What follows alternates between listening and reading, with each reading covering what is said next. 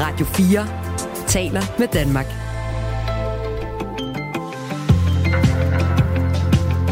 Velkommen til Radio 4 morgen.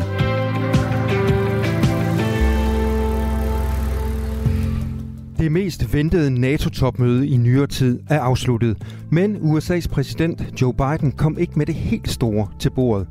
Men hvorfor ikke?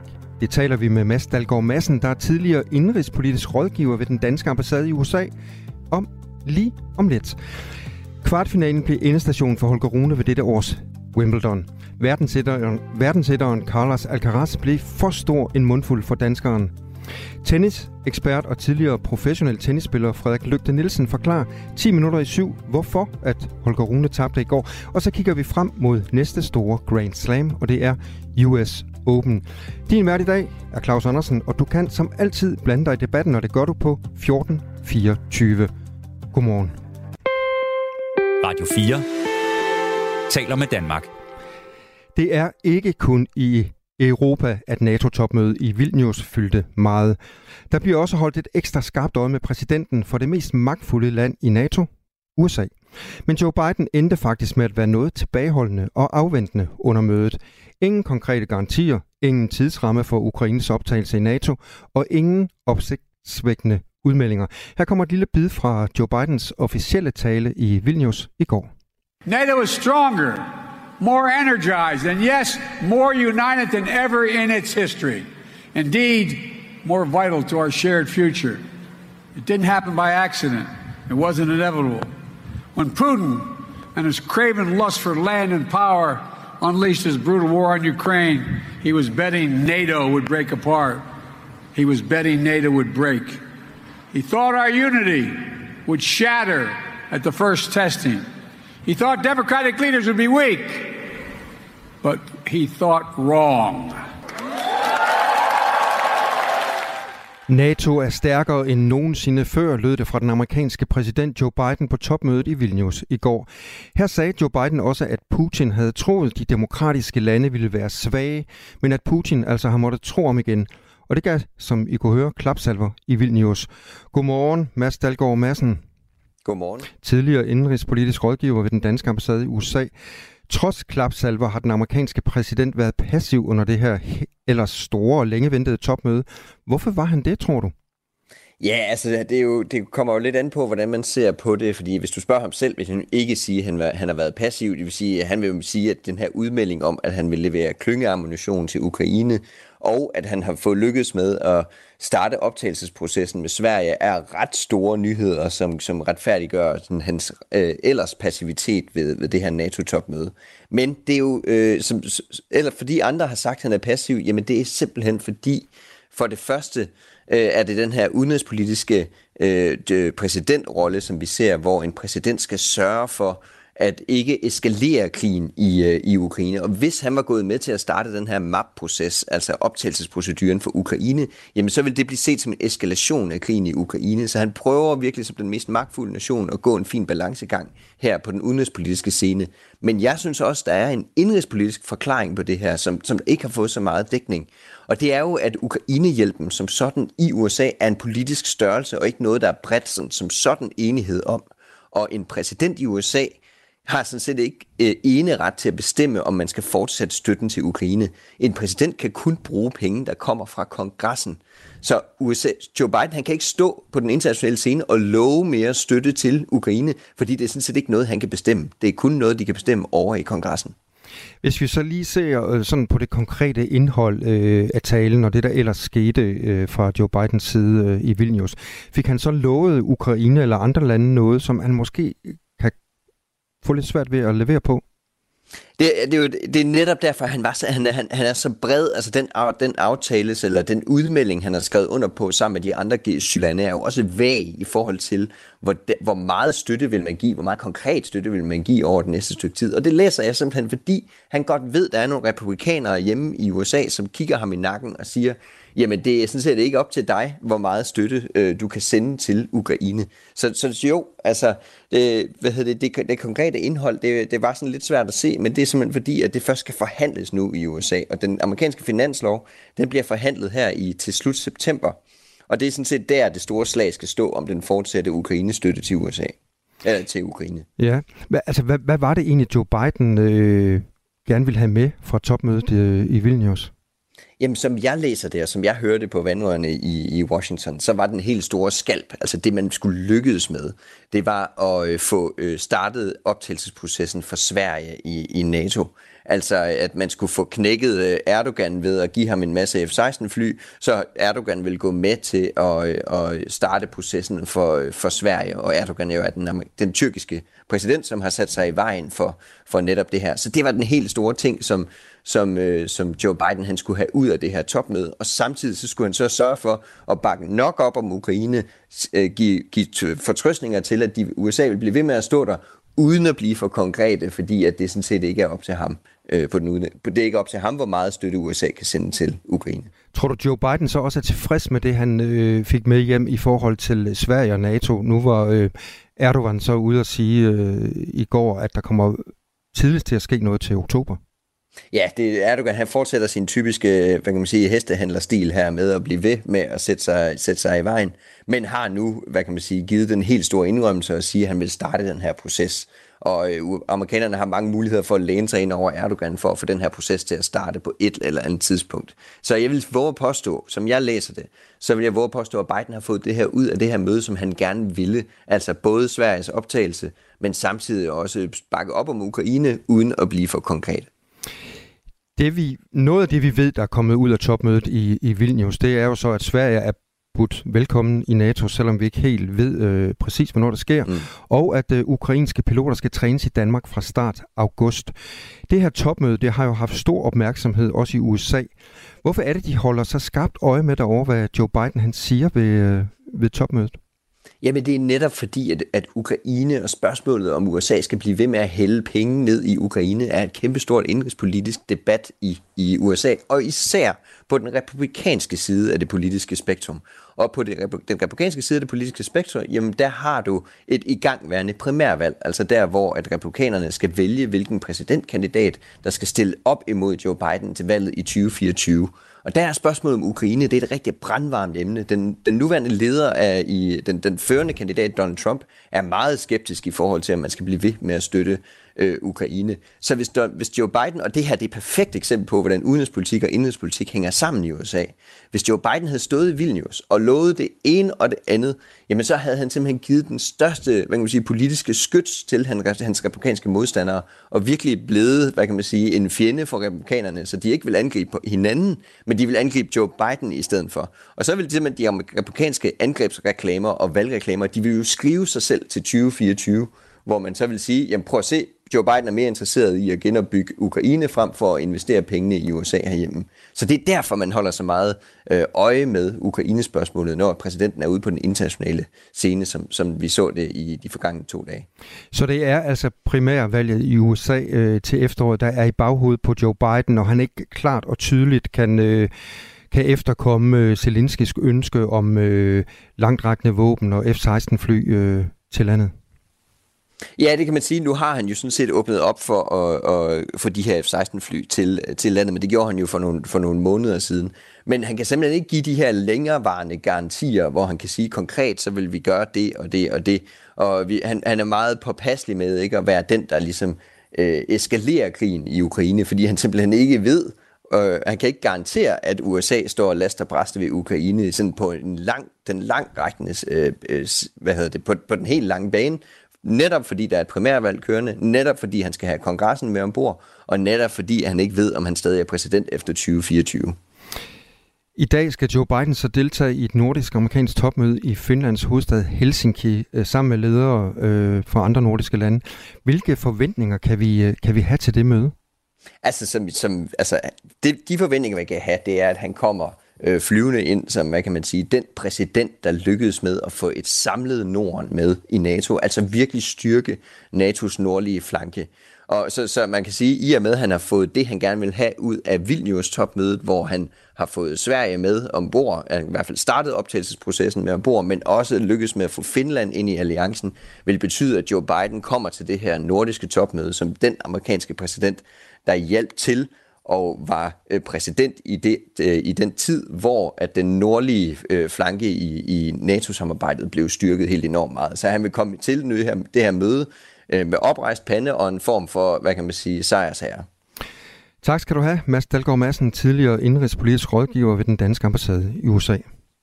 Det var så lidt. Radio 4 taler med Danmark. Så har jeg fået selskab af min kollega Angela Brink. Velkommen. Tak. Du øh, sidder derude og researcher sig blod, det sprøjter på en historie om øh, ny forskning ved psykiatri. Øh, hvad går det ud på? Jamen, det går ud på, at øh, den her nye forskning viser, at 82 procent af, af alle på et tidspunkt i deres liv faktisk vil få en psykisk sygdom. Øh, og med det menes der ikke bare, at man har en dårlig dag, men simpelthen psykisk sygdom, der kræver, at man får behandling. Altså forskning fra 2014 har jo vist, at det var omkring en tredjedel af befolkningen, der rammes af psykisk sygdom på et, øh, på et tidspunkt. Ja, ja. Men det er altså mere? Det er meget mere, og det er fordi den her nye forskning, der har man ikke, altså de gamle tal, der har man kigget på de danskere, der får behandling i det psykiatriske system. Men det man har gjort i den her nye forskning, det er, at man også har kigget på danskere, som får behandling for deres psykiatriske lidelse hos deres læge eller hos en privat praktiserende psykiater. Så i den her forskning har du også kigget på, øh, hvor mange der får behandling for deres psykiatriske lidelser hos deres praktiserende læge eller en privat praktiserende psykiater? Ja, det er faktisk det nye, at man har, man har kigget lidt bredere end kun på danskere, som får behandling i, på en afdeling, en psykiatrisk afdeling eller et psykiatrisk ambulatorium. Men 83 procent, Angela, er os alle sammen, der på et tidspunkt får en psykisk lidelse. En af os to.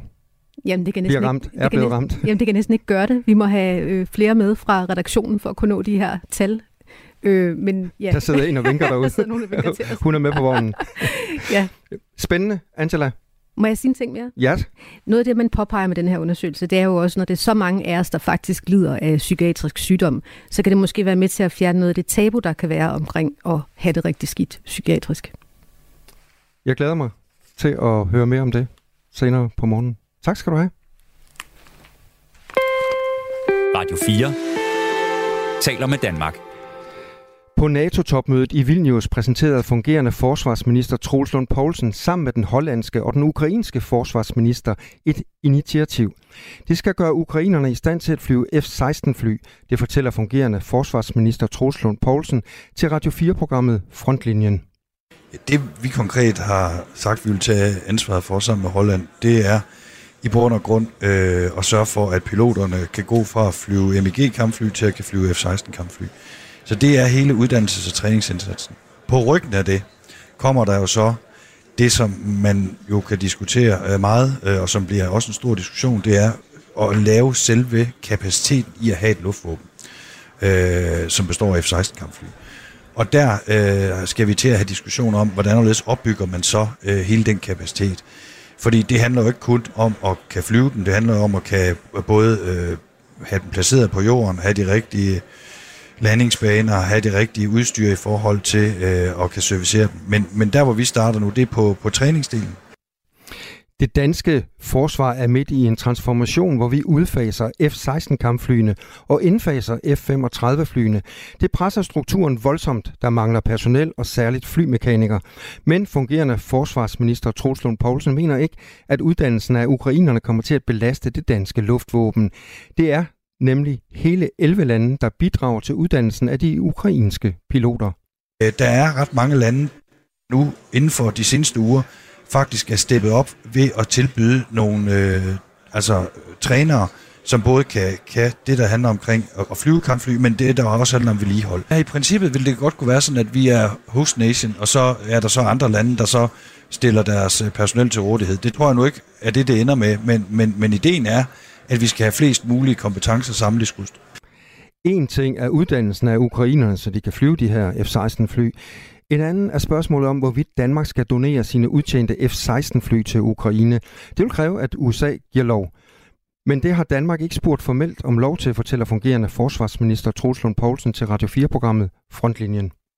Nej, men man kan vel sige, at, at, at Jake Sullivan, den nationale sikkerhedsrådgiver, i forbindelse med mødet øh, i G7 øh, i, i Hiroshima, øh, gik ud og sagde to ting. Han sagde, at USA var åben over for, at man kunne lave træning Øh, det var den første store øh, ting, som vi jo havde brug for amerikanernes tilladelse til. Og den anden, det var, at amerikanerne var åbne over for, øh, at man også kunne donere øh, kampfly. Det, det kræver, hvis man måtte lave en donation, det er, at det er jo så noget, øh, som amerikanerne formelt skal godkende.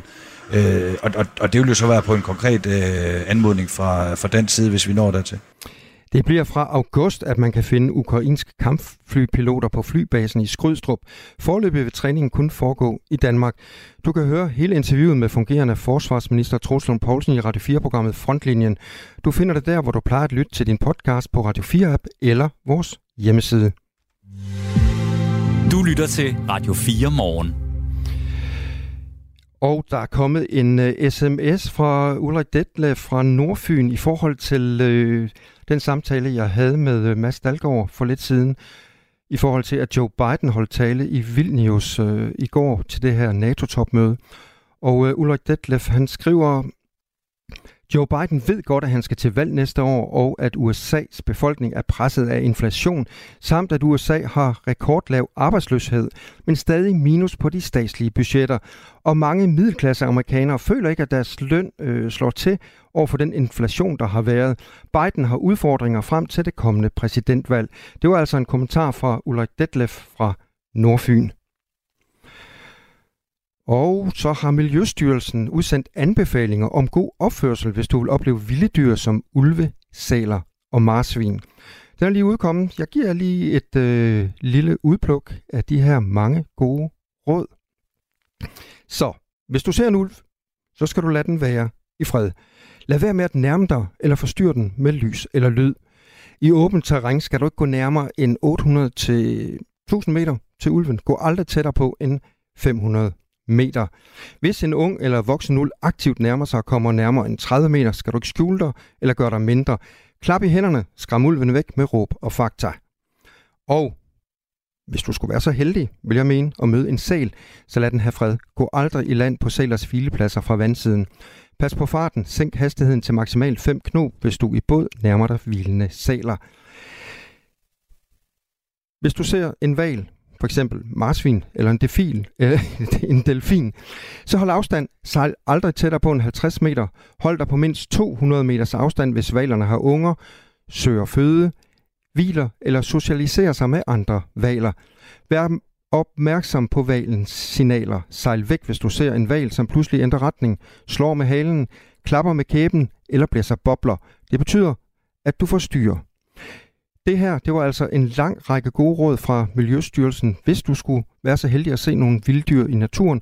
Og du kan se mange flere råd på Miljøstyrelsens hjemmeside. Det her er Radio 4 morgen.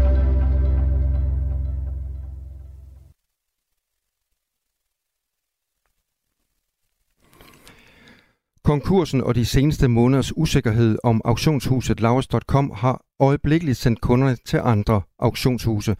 Det viser en rundringning til flere af landets etablerede auktionshuse, som vi har lavet her på Radio 4. En af dem, som har oplevet det, det er dig, Pia Dyring Lassen, direktør og ejer af auktionshuset Sønderjylland. Godmorgen. Godmorgen, Claus. Sommerferien er jo normalt en meget stille periode for auktionshuse. Du har oplevet en stigende interesse alligevel. Hvor stor er den interesse, ja. du har oplevet? Altså, vi kan bare mærke, at der kommer mange, mange flere kunder til, øh, og der er meget mere efterspørgsel og mange flere mail til os øh, med interesse om, hvad, hvad vi kan øh, og hvad vi har muligheder. Hvad er det for en slags interesse? Altså, er, er det kun sælgere, eller, eller er det også købere, der skriver til jer? Altså, det er begge, det er begge dele, øh, men der er rigtig, rigtig mange sælgere, der jeg synes indimellem, at vi bliver lagt ned med mail, øh, hvor vi skal besvare nogen, en masse efterspørgsel. Men, men det er også købere, der har meget større interesse. Vi kan se, at der kommer mange flere ind procentmæssigt i forhold til, at vi er i en, en lidt sådan lav øh, periode. Men er det, det er det kun en interesse, eller lægger folk rent faktisk også penge hos dig? Øh, der ligger, vi har, når jeg kigger på budgettet øh, og på tallene her for de sidste to måneder, så er det normalt en lav periode, men der er altså en højere. Vi har fået mange flere øh, bud ind, end vi plejer at få. Det var i den her uge, at Laurits.com gik konkurs. Det skete efter to uger, hvor virksomheden var gennem en såkaldt rekonstruktionsproces. Men det kommer efter nogle tumultariske måneder for auktionshuset. Blandt andet har virksomheden været i vælten for at bruge deres kunders penge som kassekredit, og for ikke at have tilbagebetalt de penge, som kunderne har haft til gode efter salget af deres varer. Det fik for en måned siden forbrugerrådet tænkt til at advare mod at handle med auktionshuset. Så hvornår oplevede du, øh, Pia Dyring Lassen, at folk begyndte at komme til dig i stedet for øh, Louds.com? Altså, vi, vi, det, det er nogle måneder siden, øh, og på et tidspunkt blev vi også enige om, at vi skulle lave nogle flere designannoncer. Øh, så, så den lige så stille er, at man begynder at komme for nogle måneder siden. Jeg tror, efterspørgselen kom fra januar og februar. Øh, kunne vi mærke, at nogle af os de store sælgere kom ind til os. På Radio 4 morgen har vi ringet rundt til en række af landets større auktionshuse og spurgt, om de kunne mærke en stigende interesse efter Laurits.coms konkurs. Alle dem, vi talte med, svarede ja til det spørgsmål. Blandt andet hos auktionshuset Hørsholm. Hos øh, Holstebro Auktioner oplyste de, at de i denne uge har haft lige så mange kunder som hele sidste sommer. Hos Kampen Auktioner, der har lokaler i Randers på Samsø og Midtjylland, ser de samme tendens.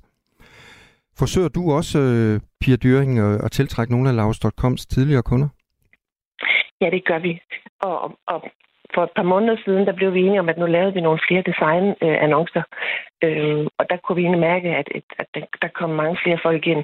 Og det var en beslutning, vi tog, øh, fordi efterspørgselen var der, og fordi der var mange flere, der kom ind med varer. Så, så vi ændrede lidt på, på markedsføringen. Så hvad betyder det her for jeres virksomhed?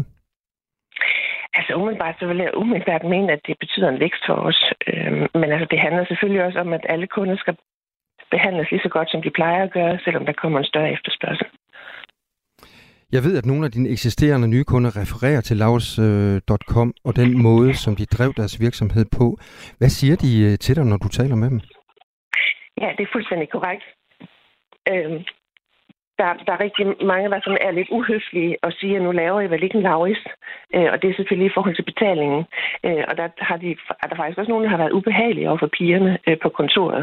Og selvfølgelig gør vi ikke det. Altså, så der er sådan en negativ øh, tendens til, at man siger noget dårligt. Så du mærker altså et knæk i forbrugertilliden til, til jeres branche, eller hvad? Ja, det gør det gør jeg. Og, og det er selvfølgelig mega bekymrende. Jeg tror, der er en gruppe mennesker, som er bekymrede for, øh, hvordan fungerer øh, auktioner. Er, er alle ligesom Lauris? Og selvfølgelig er der en anden gruppe, der godt ved, jamen det ændrer vi jo ikke på, hvem end vi så er.